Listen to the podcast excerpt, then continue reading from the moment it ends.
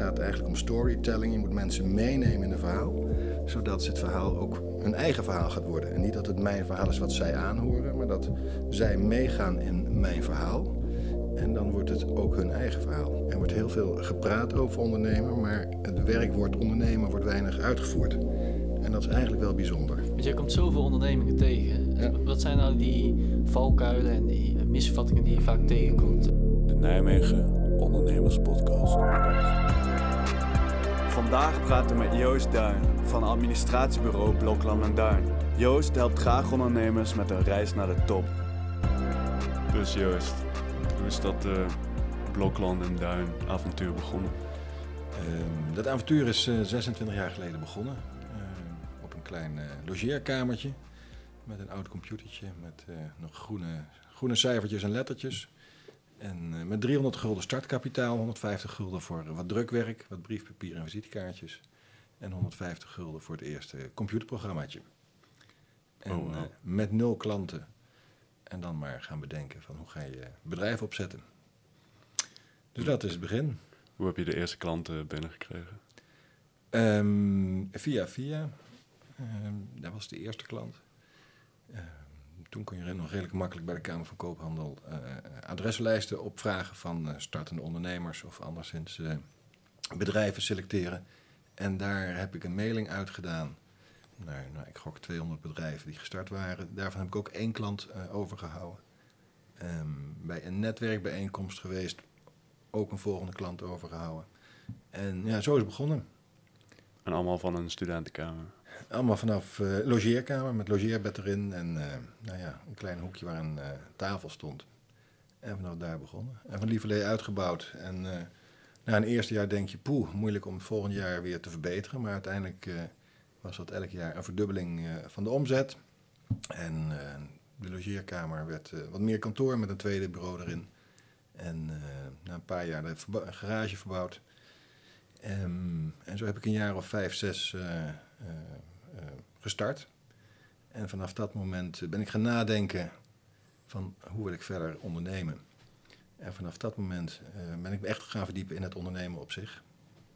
Waar kwam dat idee vandaan om te ondernemen? Ehm, ja, nou ja, als je met mensen spreekt en, en je verdiept in eh, literatuur, eh, bij businessclubjes bent en dergelijke, dan kom je eigenlijk tot de ontdekking dat heel veel mensen eh, zich inschrijven bij de Kamer van Koophandel. En dan zijn ze zelfstandig, maar niet per se gelijk ondernemer. Ondernemer is toch net even iets meer doen dan elke dag het kunstje waar je goed in bent. En dat kan mijn kunstje zijn boekhouden. Het kan zijn een kunstje dat je ZZP'er in de bouw bent. Dus alle kunstjes daarin. Die eh, Podcastjes maken. podcastjes maken bijvoorbeeld, ja. Ehm, dus toen ben ik gaan denken van ja, als ik meer wil dan wat ik elke dag doe, dan moet ik gaan veranderen, dan moet ik gaan ondernemen. En eh, daar ben ik eh, eh, ja, vele avonden achter de computer gaan zitten, gaan zoeken op internet wat nou eigenlijk ondernemen is. En zo is dat. Wat vind je dan als je zo aan het zoeken bent? Ehm, je vindt heel veel informatie. Ehm, heel veel mensen die zijn coach op ondernemersgebied. Ehm, maar niet per se succesvol op ondernemersgebied. Er wordt heel veel gepraat over ondernemen, maar het werkwoord ondernemen wordt weinig uitgevoerd. En dat is eigenlijk wel bijzonder. Dat, eh, Dat verschil en eh, dat er veel les wordt gegeven, maar weinig daadwerkelijk werkt voor Ja, een advies. ja. weinig mensen gaan daadwerkelijk aan de slag als Want wat is jouw definitie dan van ondernemen? Ondernemen is doen, een plan uitvoeren, een plan wat je van tevoren hebt opgesteld. En daar ga je mee aan de slag. Puntje voor puntje ga je uitvoeren. En dan zie je dat als je een aantal zaken samenbrengt, wat eigenlijk in de marketingmix bespro- besproken wordt, de vijf P's van product, plaats, prijs, promotie, personeel, et cetera. Als je dat op de juiste manier gaat uitvoeren, gaat ondernemen, dan zie je dat je onderneming gaat groeien. En dat je een mooie business neerzet. Hmm. Dus ehm, Nee. Oké, maar dat was dus echt een duidelijke shift van die eerste vijf jaar starten en dacht van hé, hey, ik doe iets niet goed. Ja. Of, Nou, niet per se iets niet goed doen, maar wel zien dat er meer te halen is uit wat je doet. En eh, eh, wat ik tegenwoordig ook tegen jonge ondernemers zeg, je maakt een hele mooie keuze om voor jezelf iets te gaan doen. En vervolgens ontbreekt het plan wat je gaat doen. Hè, vergelijk met een sportwedstrijd. Op het moment dat je zegt, ja, we gaan voetballen, dan ga je een plan maken met elkaar. Hoe ga je voetballen? Hoe ga je winnen? Als het doel winnen is, dan ga je een plan maken. Als het doel is gewoon een potje spelen op zondag, ja, dan hoef je niet per se een plan te maken. Dan zie je wel hoe de wedstrijd valt. Maar als je succesvol wilt voetballen, dan ga je een plan maken. En dat moet je met, eh, met ondernemen naar mijn idee ook doen. En dat leren we niet op school. Dat krijgen we niet vanuit onze eh, volksaard mee. Amerikanen, dat zijn winnaars. Die willen winnen, winnen, winnen. En wij zeggen, ja, doe maar gewoon, dat is goed genoeg. Ja. Eh, Mhm. Dus het zit niet in onze volksaard om succesvol te ondernemen. Dat eh, is me opgevallen. En wat zijn dan de juiste plekken om dan toch je mentors te vinden of ja, voorbeelden? De plekken. Ehm, die kun je op zich overal vinden. En er zijn een, een hoop ondernemers die natuurlijk wel succesvol zijn. En die zijn bijna allemaal bereid om hun verhaal met je te delen. Als je geïnteresseerd bent in het verhaal van een ondernemer, zul je zien dat ze het heel leuk vinden om over hun eigen bedrijf te vertellen. Over hun eigen successen, ook dingen die misgaan. Maar eh, heel veel ondernemers vinden het leuk om met mede-ondernemers te praten en om ze iets te leren. Dus er is overal informatie te halen als ondernemer om ja, te starten en te verbeteren. Want je zei op die logeerkamer, het begon allemaal bij een, een computerprogrammaatje. Ja, Wat was dat voor programma? een, een boekhoudprogrammaatje. Ik heb eh, op school leren boekhouden, maar ja, dan heb je nog niet een boekhoudprogrammaatje in je kast staan. Oh, Dus eh, dat eh, was het eerste programmaatje wat ik kocht op de computer, een uh, boekhoudprogrammaatje. en hoe is dat veranderd in de loop der jaren?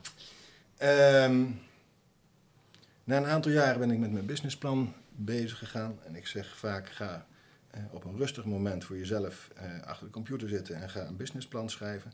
En een businessplan wordt vaak gevraagd door de bank of eh, investeerders. Maar een businessplan is vooral jouw eigen blauwdruk die je eh, nodig hebt om eh, te ondernemen. Ehm, ga in een, een, rustige situatie achter de computer zitten, dat je je geest eh, de vrije loop kan laten. Pak er eventueel een biertje bij of een wijntje bij. En eh, een sigaretje, maar dat mag je tegenwoordig niet meer zeggen. maar eh, schrijf op wat alles wat in je hoofd opkomt. En dat is niet alleen zakelijk, maar ook hoe ziet je privéleven eruit? Hoe kun je je privéleven combineren met je onderneming? Ehm, alles wat in je opkomt, schrijf dat op de computer. Sla het op om 1 uur s'nachts, 2 uur s'nachts, 3 uur s'nachts. En de volgende ochtend open je het, eh, wat je geschreven hebt, en dan zeg je, nou, dit is goed, dit is goed, dit is slecht, dit is slecht, dit is goed. Maar zo filter je uiteindelijk je gedachten. En dat heb je niet in één avond gedaan of in één dag. Dat is een proces wat een paar weken kan duren. En na die paar weken ga je ermee aan de slag. Dat betekent niet dat dan een businessplan af is voor de rest van je leven. Uh, ik heb zelf van tijd tot tijd dat ik weer achter de computer ga zitten en weer eens even kijken van hé, hey, uh, waar zijn we uh, mee bezig nu? Wat had ik opgeschreven? Klopt het? Moet ik het bijstellen? En zorg dat je dat businessplan, ja, ik heb het in mijn bovenste bureau laten liggen, één A4'tje waar wat dingen op staan waar ik mee, mee bezig ben. Hmm. Um, en dan, dat houdt je scherp. En je kunt niet elke dag ermee bezig zijn, maar het wordt vaak vergeten. En uh, ja, dan wordt het naar voren geschoven en naar voren geschoven is achteruit, uh, achteruitgang in mijn idee. Hoe vaak uh, kijk jij erop terug? Hoe vaak adviseer je om te reflecteren? Um, ja, dat is wisselend. Uh, soms zijn er maanden dat ik er niet naar kijk. Mm -hmm. En soms zijn er van die momentjes dat je denkt, ik pak het er eens even bij. En dan ga je er weer mee aan de slag. En dan heb je het zomaar een paar dagen weer, weer actueel bij je. En dan ga je het aanpassen en verbeteren. Vernieuwen moet ik eigenlijk zeggen. Mm -hmm. Dus dat is, uh, ja, er is geen vaste termijn voor, uh, voor te noemen. En dat plan, betrek jij daar ook andere mensen bij om dat mee te schrijven? Of ben je daar vooral zelf mee bezig? Um, ik ben daar vooral zelf mee bezig. Maar um, het is denk ik belangrijk dat je de mensen die in je nabijheid uh, hebt, dat je die uh, deelgenoot maakt van je plan.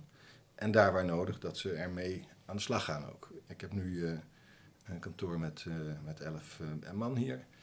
Um, dus van tijd tot tijd gaan we over het ondernemen praten, over de onderneming praten, wat we willen vernieuwen. Weet je, ik kan wel iets willen vernieuwen, maar als ik mijn personeel er niet in meeneem, ja, dan loop ik voor de troepen vooruit, maar de troepen komen niet achteraan. Dus dat heeft geen zin. Dus je moet mensen meenemen in je verhaal. Hè, waarom wil je iets? Ik kan wel gaan roepen, we moeten daarheen. Maar als ik niet vertel waarom we daarheen moeten, in mijn optiek, eh, dan gaat niemand mee. Dan kijken ze een beetje raar naar je en zeggen ze, nou, die is niet helemaal lekker geworden. Misschien dat hij na het weekend zijn pilletjes op heeft. Maar dan krijg je niet per se je mensen mee. Mm -hmm. En je moet mensen uh, meenemen in het verhaal. En een hele hoop mensen vinden het ook leuk om te vernieuwen. Die worden enthousiast van verbetering. En als je ziet dat het resultaat oplevert, ja, dan kun je dat met elkaar ook vieren. Maar hoe breng je dan het beste je verhaal over op je collega's? Wat je vaak ziet, is dat mensen vanuit zichzelf gaan zenden. Hè, wat in, in, mijn hoofd zit, ga ik jullie vertellen. En dan neem ik aan dat jullie snappen wat ik bedoel. Mm -hmm. Maar dat is niet per se het verhaal. Hè. Het gaat eigenlijk om storytelling. Je moet mensen meenemen in een verhaal. zodat ze het verhaal ook hun eigen verhaal gaat worden. En niet dat het Mhm. mijn verhaal is wat zij aanhoren, maar dat zij meegaan in mijn verhaal. En dan wordt het ook hun eigen verhaal. En dan ben je met elkaar op weg naar het volgende punt. Ehm, en dat vergt techniek. Techniek om eh, met mensen te praten, met een groep te praten. En dat heb ik ook allemaal moeten leren. Ik bedoel, dat is niet van de een op de andere keer eh, dat ik dat snapte en wist. Maar goed, daar ga je op een gegeven moment over lezen. Maar ook, je gaat erover lezen omdat je eh, in het begin merkt van... hé, hey, ik vertel iets, maar het komt niet over. En dan is het heel makkelijk wijzen naar de ander van hij heeft niet goed geluisterd. Dat is in ieders eh, natuurlijke aard dat als een ander het niet begrijpt dat je daar de fout legt. Ehm, maar als je kritisch naar jezelf kijkt, ligt het vaak aan de manier waarop je zelf iets verteld hebt, wat een ander ja, niet tot zich neemt. Dus steeds kritisch kijken met een soort helikopterview van wat is er gebeurd. Ehm, en eerst de fout bij jezelf zoeken.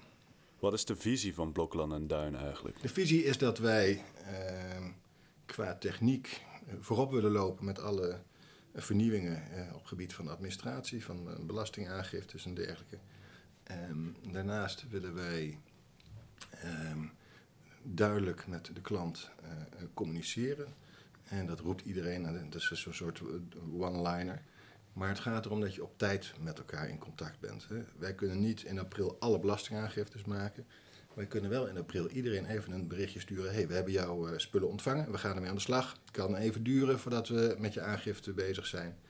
Eh, maar dan heb je in ieder geval even een, een communicatiemomentje gehad, een berichtje naar je klant gegeven van hey, je bent belangrijk voor ons. Mhm. Ehm, ondanks dat we niet al het werk in één keer kunnen doen. Ehm, nou ja, we denken aan je. En dat zijn dingen, daar hebben we het uitgebreid over gehad ook dit jaar, want we kunnen altijd verbeteren. En eh, dit is iets wat we dit jaar ook willen implementeren. Dat we gewoon dit soort contactmomenten, gaat helemaal niet over eh, vakinhoudelijke contacten, maar gewoon even over menselijke contacten. Mhm. Dat we dat eh, veel beter nog eh, gaan uitvoeren. Dus de communicatie op peil. brengen. Communicatie op peil houden, ja.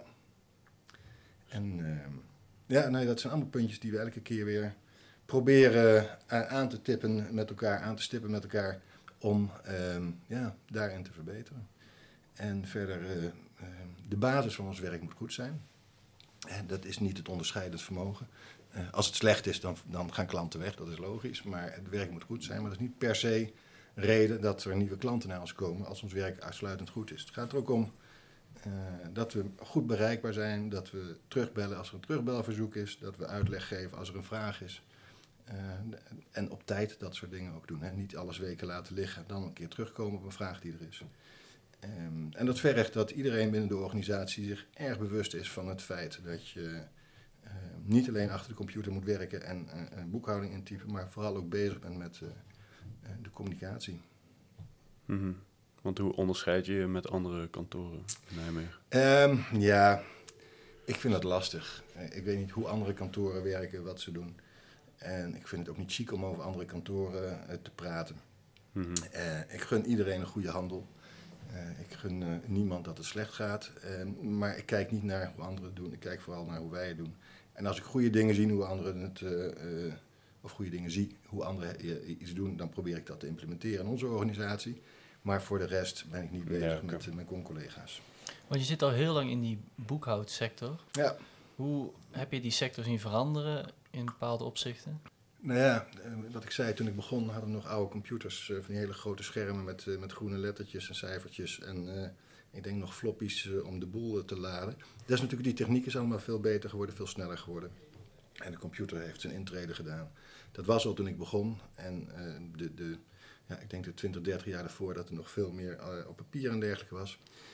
Maar de afgelopen 25 jaar, ja, alles is digitaal geworden.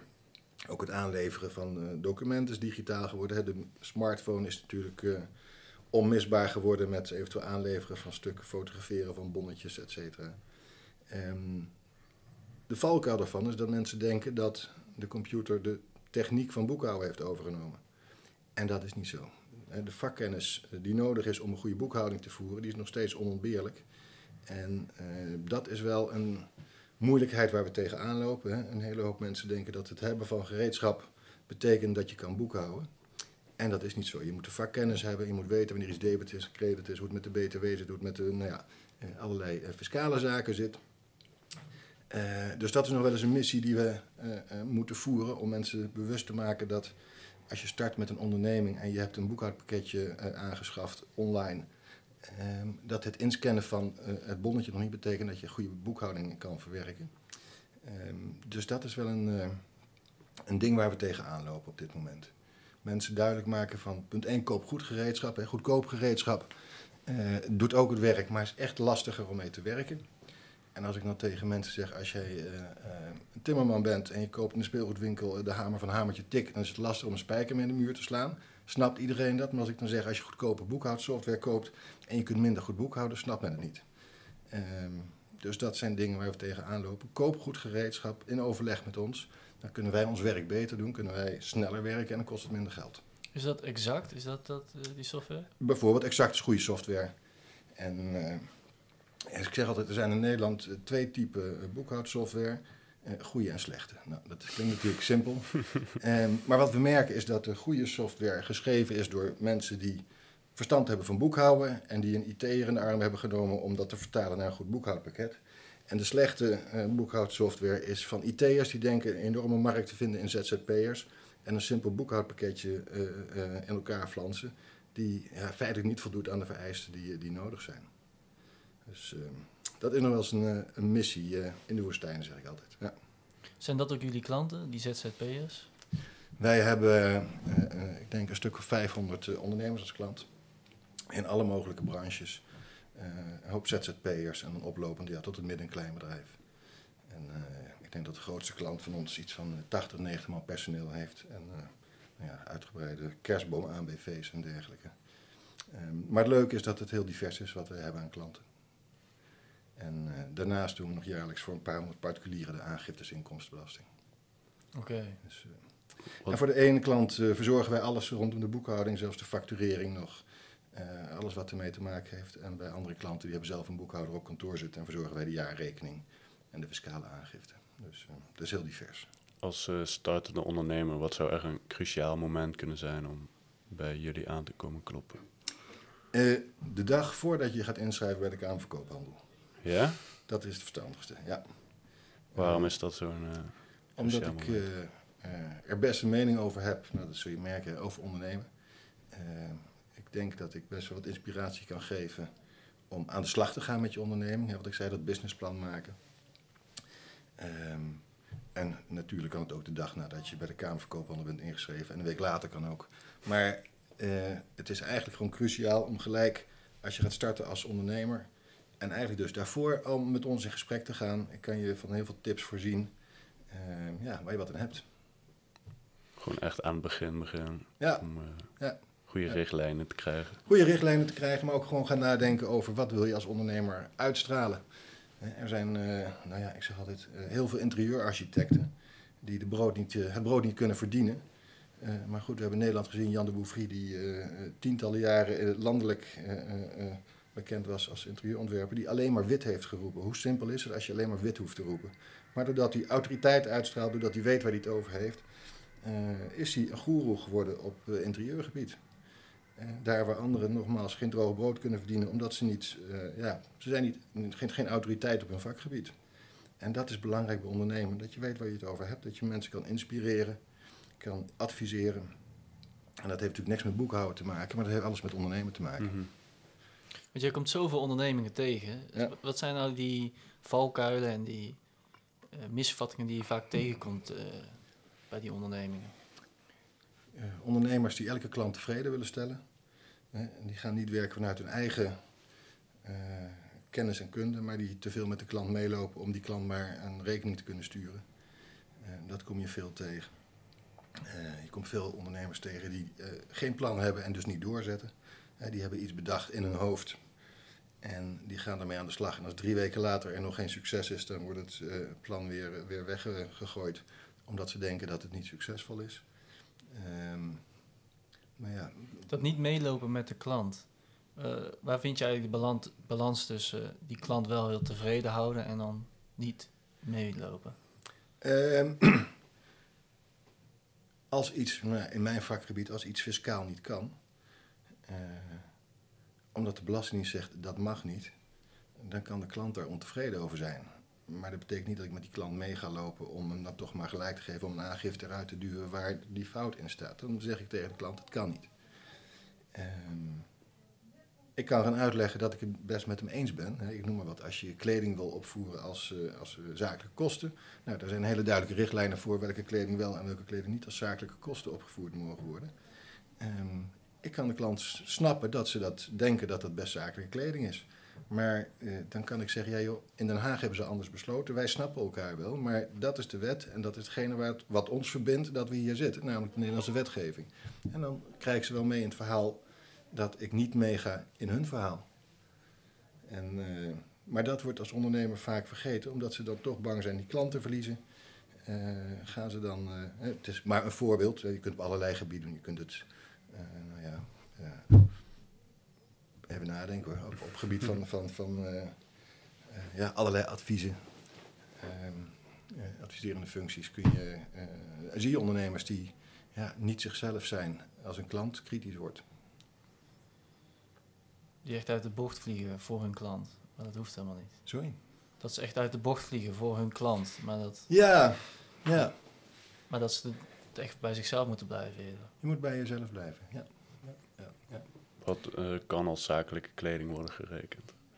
Zakelijke kleding is een kleding die echt nagenoeg uitsluitend eh, te gebruiken is in de uitoefening van je beroep. Dus denk aan een, een medische chirurg die in de operatiekamer staat, die groene pakjes. Nou ja, daar ga je met alle beste wil van de wereld niet mee naar de verjaardag van Tante Marie ergens. Maar ja, bijvoorbeeld een, een, een hovenier die veiligheidsschoenen aan heeft, ja, die schoenen zijn niet zomaar fiscaal aftrekbaar omdat je er ook mee eh, eh, ja, je eigen tuin kan doen of wel naar die verjaardag van Tante Marie gaan, kan gaan. Eh, maar wanneer zijn die mooie pakken dan eh, fiscaal aftrekbaar? Ehm, die mooie pakken zijn aftrekbaar op het moment dat er een logo op zit. Vast logo. Die Vast logo. een bepaalde minimumafmeting heeft. Ehm, nee, niet aan de binnenkant, wel aan de buitenkant. Zichtbaar zijn. Ja, ja. Ehm, en wat ik zeg, als het nagenoeg uitsluitend te gebruiken is voor je uitoefening van je, van je beroep. Het gaat zelfs zover dat als je eh, motorrijlesinstructeur bent, mooi woord voor Scrabble trouwens, ehm, en je hebt een helm gekocht omdat je motorrijles geeft, dan zegt de Belastingdienst, ja, leuk dat jij die helm hebt, maar die is niet zakelijk, want die kun je ook privé op, op je motor. En pas als er een logo op die helm staat die voldoet aan de afmetingen, dan is het een zakelijke helm. Bizar, Dat is wel bizar. maar eh, zo zit de wet in elkaar. En dan kunnen we met, met elkaar iets van vinden. Maar ja, eh, hè, het mooie landje Nederland verbindt ons door die enorme wetten die er geschreven zijn. En daar moeten Ja. we ons gewoon aan houden. Punt. Je krijgt natuurlijk alles mee van regelgeving en verandering in de wet, in de belasting. Wat zijn nu dingen die spelen of eh, net zijn veranderd? Ja, nou, er wisselt natuurlijk elk jaar. eh, er wisselt er van alles. Eh, wat mij eh, het meeste opvalt, en dat heeft eigenlijk niet zozeer met, met veranderende wetgeving te maken, maar wel met eh, de manier waarop er gecommuniceerd wordt. Dat vind ik eigenlijk wel leuk om te zien. Eh, de belastingtarieven die zijn al jaren een soort van ongewijzigd en worden iets verlaagd. En eh, Rutte en Cornuiten die roepen jaar in jaar uit dat de tarieven verlagen. Alleen vergeet ze te zeggen dat ook de heffingskortingen enorm lager zijn geworden. Waardoor we per allemaal steeds meer belasting gaan betalen. Eh, maar we slikken het allemaal als zoete koek. Omdat eh, er ja, vanuit de overheid toch wel goed gecommuniceerd wordt. En daarnaast eh, roepen alle linkse partijen dat de kloof tussen arm en rijk nog nooit zo groot is geweest. Daar loopt ook miljoenen mensen in Nederland achteraan. Terwijl als je simpel kijkt dat de minima een, een dak boven het hoofd hebben, een tv hebben en opleiding hebben. Eh, en natuurlijk, sommigen moeten naar de voedselbank. Maar ja, als je kijkt naar honderden jaar geleden waar de rijken kastelen konden bouwen en de armen in, eh, in krotten nog niet konden wonen, dan denk ik ja, het verschil tussen arm en rijk is niet zo heel groot in Nederland. Hè. De rijken dragen echt eh, structureel behoorlijk mee aan eh, de belasting in Nederland. Natuurlijk zijn er grote multinationals die eronder uitkomen. Maar we moeten elkaar niet elke keer de maat nemen met eh, eh, het onder, onderuitkomen van eh, betalen van belasting. Dus we hebben het beter dan vroeger. Volgens mij hebben we het allemaal beter dan vroeger. En tuurlijk zijn er dingen die inefficiënt gaan in het land en die verbeterd kunnen worden. En daar hoort de Belastingdienst natuurlijk ook bij. En eh, alle ellende rondom de toeslagenaffaire en dergelijke. Daar, eh, Ja, die Ja. belastingdienst, kan, is dat eh, efficiënter geworden in de jaren? Ehm, het wordt nog steeds lastig, of het is nog steeds lastig om goed per e-mail te communiceren met de Belastingdienst. We zijn nog daar zeer terughoudend in. Ehm, ik moet zeggen dat de individuele contacten die je dan eenmaal hebt met iemand van de Belastingdienst, die zijn wel veel prettiger geworden. Ze zijn toegankelijker en je zit meer op eenzelfde level met elkaar te praten. En uh, ze snappen ook dat, dat wij ook proberen om het allemaal netjes en goed uh, in orde te maken. En dat we graag soms even willen overleggen over bepaalde situaties. Dus die afstand die er vroeger was, die kloof tussen Belastingdienst en, en burger, die is wel een stuk minder geworden. En waar kan het nog beter? Oh, heb je even. ja, weet je, dat is niet aan mij om, uh, om te zeggen wat andere mensen moeten verbeteren. Ik denk dat uh, de organisatie, als die kritisch naar zichzelf kijkt, uh, prima weet waar ze nog op kunnen verbeteren. Maar met name, en dat is dan niet vakinhoudelijk, maar die bereikbaarheid, die zou een stuk beter kunnen nog. Maar ook dat weer, de individuele mensen bij de Belastingdienst, die weten prima dat ze slecht bereikbaar zijn. Maar die zijn met handen en voeten gebonden aan de systemen die hun uh, ter handen worden gesteld om hun werk te doen. Dus je kunt dat de mensen ook niet kwalijk nemen. Dat is ja, van hoger hand georganiseerd. En daar moeten we misschien met z'n allen kritisch naar kijken. Ja, dat er een ander systeem wordt gebouwd, dat ze dat wel kunnen. Ja, dat er een beter systeem is. Maar dat zien we ook met politiediensten die niet bereikbaar zijn, die elkaar niet kunnen bereiken. En zo zijn natuurlijk, als we het landelijk in Nederland kijken, zijn er best wel wat, uh, wat zaken die uh, verbazingwekkend slecht geregeld zijn in een mooi land als Nederland. Maar goed, daar kunnen wij uh, als uh, individuele burger natuurlijk niet zo bar veel aan doen. Hoe is het eigenlijk hier om in Nijmegen te zitten? Ik ben niet geboren in Nijmegen, maar uh, wel getogen. En mijn bedrijf heeft altijd in Nijmegen gezeten. Um, het is een, een, een, gezellige stad. Er zijn behoorlijk wat ondernemers. Maar het is geen ondernemende stad vanuit de gemeente aangewakkerd. Hè. Als je kijkt naar bijvoorbeeld de gemeente Den Bosch waar veel meer bedrijvigheid omheen zit, uh, dan zie je dat, er, uh, dat Nijmegen best een linkse stad is, waar niet per se het ondernemerschap uh, door, door de gemeente wordt uh, gepropageerd. Ondanks dat ze roepen dat het wel zo is, merk je dat daar niet heel veel. Want hoe doet Den Bosch dat dan? Propageren? Ja, nou, hoe ze dat doen weet ik niet, maar je ziet gewoon dat daar veel meer bedrijvigheid, bedrijvigheid zit. En nu ben ik toevallig ook voorzitter van Stadspartij Nijmegen. Dus uh, sinds wij uh, afgelopen jaar de verkiezingen uh, hebben afgesloten met de tweede plaats in aantal zetels, hebben we ook twee wethouders geleverd. En toevalligerwijs ook een van de wethouders die over het ondernemerschap gaat. Dus sinds een afgelopen jaar gaat het in Nijmegen heel goed dankzij Stadspartij Nijmegen. Dat is mooi om te horen. Ja. Dus jullie proberen er verandering in te krijgen. Ja, jullie zijn het aan het veranderen op de Ik weet niet per se of je het veranderen moet noemen, maar in ieder geval wel uh, op de kaart zetten. Met elkaar over, in, in gesprek gaan over hè, wat maakt een stad goed. Mm -hmm. En ik denk dat... Uh, ja, want wat maakt een stad goed? Dat voor ondernemen?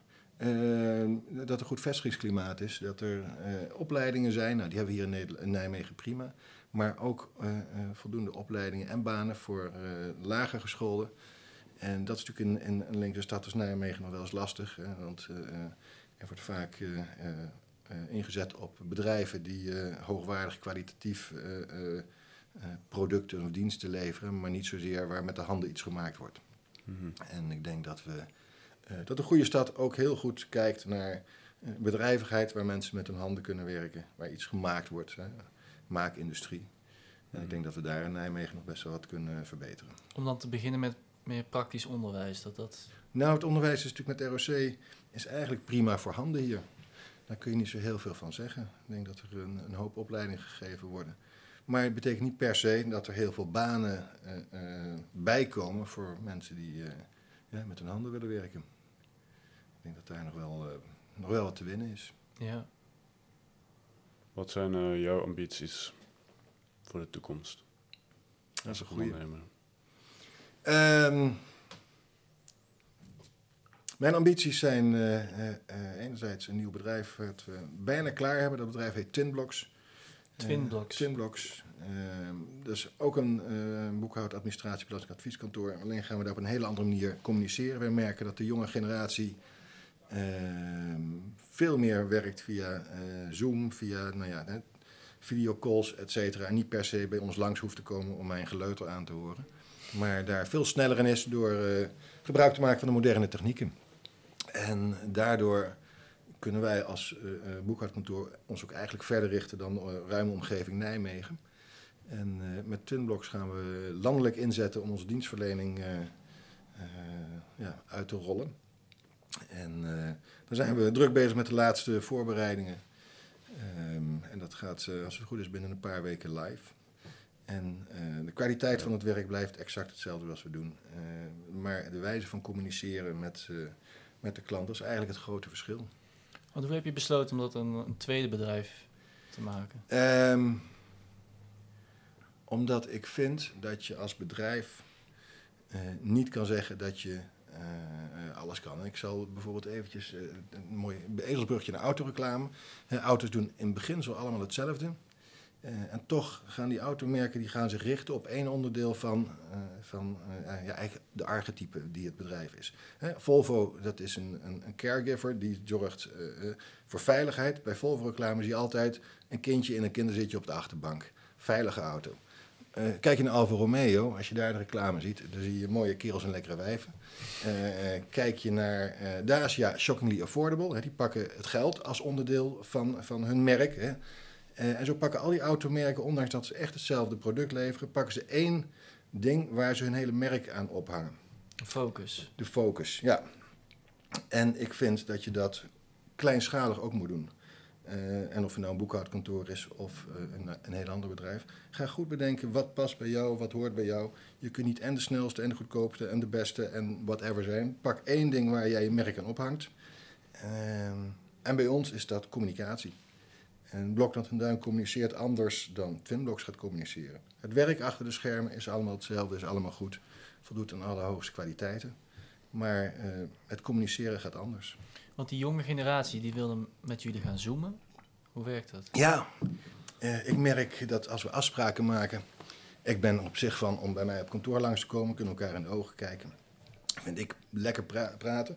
Maar de jonge generatie zegt, joh, ik ben in de trein of zit in de trein, zullen we vanuit die positie even vergaderen. En die zit in de trein met een telefoon uh, te vergaderen. Ik vind het superleuk om te zien dat die dynamiek enorm gegroeid is. Um, dus daar zetten wij ook op in. Hè, en een klant in, uh, ja, noem het Utrecht of Amsterdam of Den Bosch of waar het ook zit. Ja, die hoeven niet per se hier langs te komen om gesprek te hebben. We kunnen de moderne technieken gebruiken om, uh, om te communiceren met elkaar. Blijft het op deze locatie ook, die, dat tweede bedrijf? Ja, in principe wel. En het kan zijn dat we in Amsterdam een vestiging erbij gaan openen. Oh, wow. Mm. Um, maar in beginsel blijft het voorlopig hier. En voor de rest gaan we kijken hoe het gaat, uh, gaat uitrollen de komende jaren. Hoe ja. bereik je die cliënten dan van overal in Nederland? Omdat je nu specifiek ja. Nijmegen hebt eigenlijk. Ja, uh, daar zijn we druk mee bezig. Maar goed, dat moet natuurlijk ook via social media en uh, via uh, nou ja, vindbaarheid op Google moet dit bedrijf de aandacht gaan krijgen. Hmm. Dus uh, ja, andere manier van, ja, van netwerken. Totaal andere manier. Totaal andere manier, ja. Zo competitief op Google of niet? Ja, maar dat is alles competitief. Ja. Want, als je naar een gemiddeld netwerkclubje kijkt, er lopen ook zes boekhouders en zeven advocaten en notarissen rond die elkaar allemaal uh, het ligt in de ogen niet gunnen bij ze spreken. Dat is altijd in, in, een branche van dienstverlening, die is altijd competitief als het gaat om locaties waar je je klanten vandaan haalt. En dat is op internet niet anders. Want jij zei, je houdt je niet echt zo bezig met jouw, noem je het, conculega's. Ja. Maar wat betekent competitie dan voor jou? Competitie is de beste zijn. Dat is ja. bij elke competitie, denk ik. Dus het betekent niet dat ik de anderen niks gun. Ik gun iedereen een mooi leven en een goed bedrijf. Uh, als ik mijn positie maar in uh, veilig stel. En eigenlijk als wij de beste zijn. Hmm. Dat is het leukste. Het Gewoon de beste zijn, ja. ja, ja. Hoe uh, belangrijk is netwerken voor jou? Um, ja, in een, in een stad als Nijmegen, of Nijmegen en omgeving, is netwerken belangrijk. Maar het gaat vooral om dat mensen je kop zien. En niet één keer, maar twee keer of drie keer of vier keer. Uh, ik doe het al 25 jaar, dat netwerk. En kan je vertellen dat boekhouden echt het allersaaiste is waarover je in een netwerkbijeenkomst iets kan vertellen. Dus dat doe ik nooit. Ik zorg altijd dat ik met uh, andere ondernemers ben. En dat we het gezellig hebben over, nou ja, over het voetbal, over de autorace, over. Het kan van alles zijn. Over al iets Eh, anders. over, maar niet over boekhouden. Alles behalve alles boekhouden. behalve boekhouden. Boekhouden is echt het allersaaiste product wat je kan bedenken. Dus dan moet je snappen van jezelf dat als je erover gaat, gaat kletsen, dat mensen meteen afhaken. En dan moet je niet denken dat die mensen idioot zijn, maar dan ben je zelf idioot. Als je niet snapt dat mensen afhaken als het over boekhouden gaat. Mhm. Dus op het moment dat je dat weet, ga je op een andere manier een netwerkgesprek in. Ehm, en dan komt vanzelf wel een keertje te sprake, eh, na 1, 2, 10, 20 keer hè, dat je elkaar gezien hebt. Wat doe je eigenlijk? En, Nou, dan komt het wel. Maar netwerk is bij mijn handel niet van visitekaartje uitdelen en de handel binnenhalen. Mm. Ja, oké. Hè, En ik heb een vriend die eh, heeft een drukkerij. Dat is een hele andere branche. Hè? En het moment dat je op een netwerkborrel zegt, ik ben drukker, dan kun je al heel snel kun je daar bijvoorbeeld opdrachten vandaan halen. Dat mensen niet zo'n eh, langdurige relatie hebben met hun drukker als dan met de boekhouder. Dus nee, per branche ook weer kijken van wat is jouw doel van zo'n netwerkbijeenkomst. Maar het belangrijkste moet zijn dat je het gezellig vindt om met andere mensen te praten. Mhm. Eh, en niet dat je erheen gaat om visitekaartjes uit te delen en om handel binnen te halen. Nee. Gewoon gezellig borrelen en eh, met gelijkgestemden over ondernemen praten. Welke netwerkborrels hebben we het hier nu eigenlijk over? Hier in Nijmegen. Ja, er zijn er zoveel. Eh, bij NEC is natuurlijk eh, de OSRN is een grote netwerk eh, van, van ondernemers. Eh, maar je hebt een hele hoop eh, netwerkclubs, te veel om op te noemen. Ja. Dus, eh, Maar dan ga je daar gedisciplineerd naartoe. nee, niet gedisciplineerd. De ene keer wel, de andere keer niet. En eh, ik moet er ook zin in hebben. Weet je, als je geen zin hebt om te kletsen, ja, dan kun je beter niet gaan. Nee. En dat is niet dat ik dat 's ochtends bepaal, want meestal moet je daarvoor opgeven. En eh, dan heb ik weer periode dat ik eh, het leuk vind om te gaan. En dan heb ik weer periode dat ik denk, nou, voor mij even niet. Eh, ja. dat, eh, dat moet je persoonlijk eh, aanvoeden op zo'n moment. Voor de gezelligheid. Dus dat is een, Dat is het allerbelangrijkste voor de gezelligheid, eh, met elkaar kletsen. Ja. Ja. En soms zijn er ook leuke sprekers, dat vind ik ook vaak interessant. Mm. Ja, wie vind jij leuke sprekers? Interessante figuren nu eigenlijk. Ja, dit is zo wisselend ook. Maar ook mensen die, die een boodschap hebben, die iets te vertellen hebben. Vanuit eigen ervaring vaak eh, eh, mooie verhalen kunnen vertellen van wat ze meegemaakt hebben. Eh, en eigenlijk de inspirerende verhalen zijn allemaal van mensen die ondernemen. En dan kom ik weer terug bij het begin. Die doen, die durven, die doen. Die een plan uitvoeren. Die er hard aan werken, dag en nacht mee bezig zijn. Op sommige momenten. Eh, maar die dan zien dat je succes haalt doordat je goed nadenkt over wat je wil gaan doen en het ook daadwerkelijk gaat doen. Zijn er ondernemers die jou te binnen schieten? Die jij echt inspirerend vindt? Nou, recent zat ik bij een bijeenkomst en daar was eh, eh, die man die, die, eh, die eh, verwarmingskussentjes heeft bedacht. Zit in heat heet dat geloof ik. Hè? Mhm. Eigenlijk briljant, simpel plan. Maar ga het maar eens uitvoeren. En eh, dat is su- superleuk. Ik laatst ook een bijeenkomst waar Koen, en dan ben ik zijn achternaam even kwijt, met de eigenaar van Koef, vertelde hoe hij begonnen is. Hè? En zo zit Nijmegen vol met, met hele mooie ondernemers die ja, vanaf nul begonnen zijn, of soms met een kruiwagentje begonnen zijn. Maar er is niemand die is gaan, gaan achteroverleunen en wachten tot het schip met geld binnenkomt. Ze hebben allemaal een verhaal van wat ze elke dag gedaan hebben om te werken aan de groei van hun bedrijf. En dat is wel de verbindende factor bij die verhalen. Het is allemaal eh, doen, doen, doen. En een plan hebben. En als het niet gelijk slaagt, toch doorgaan. Wel je plan bekijken van heb ik alle punten wel goed beschreven. Moet ik misschien ergens een, een, eh, een wijziging aanbrengen. Maar ehm, ja, dat, is, dat zijn mooie verhalen. Wat eh, betekent succes voor jou? Ik ga heel graag naar Ibiza. En het mooie van Ibiza, behalve dat het een heel mooi eiland is en een rustig eiland, is dat je ook de meest grote boten tegenkomt, de meest grote eh, eh, huizen tegenkomt, de meest dure auto's, eh, eh, de meest opgespoten dames en je kunt alles bedenken. Ehm, en die mensen denken dat ze heel succesvol zijn. En ik vind het mooie van succes is dat je het vooral bij jezelf moet zoeken en niet en moet laten tonen aan anderen om te denken dat je dan succesvol bent. Succes is genieten van, van kleine dingen. En dat kan zijn als het morgen het terras weer is, dat we met elkaar een, een, glaasje wijn kunnen kopen op het terras. En dan moet je bedenken hoe eh, enorm rijk je bent als je dat soort ja, simpele dingen eigenlijk kan en dat je ervan kan genieten. Dus succes is niet, eh, eh, zeker niet af te meten, in mijn, eh, mijn idee, naar hoeveel het geld wat je verdient. Niet die boten. Nee, er is altijd iemand met een grotere boot. Dus als je daarin meegaat, dan, dan ben je elke keer weer eh, eh, teleurgesteld over je eigen misfalen, omdat je niet de grootste boot hebt. Dus dat is voor mij geen succes. Succes is, eh, nou ja, als je plan, eh, wat je in je hoofd hebt, dat dat werkt.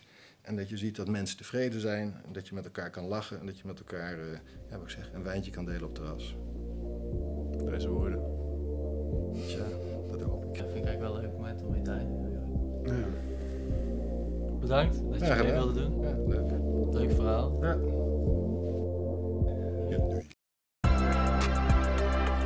Wil je nu ook je zaken op orde brengen of goed advies? Ga naar bloklandduin.nl. Wil jij ook op de Ondernemerspodcast verschijnen of meer weten over het beginnen van je eigen podcast? Ga naar zimablue.nl. Podcastproductie voor ambitieuze organisaties.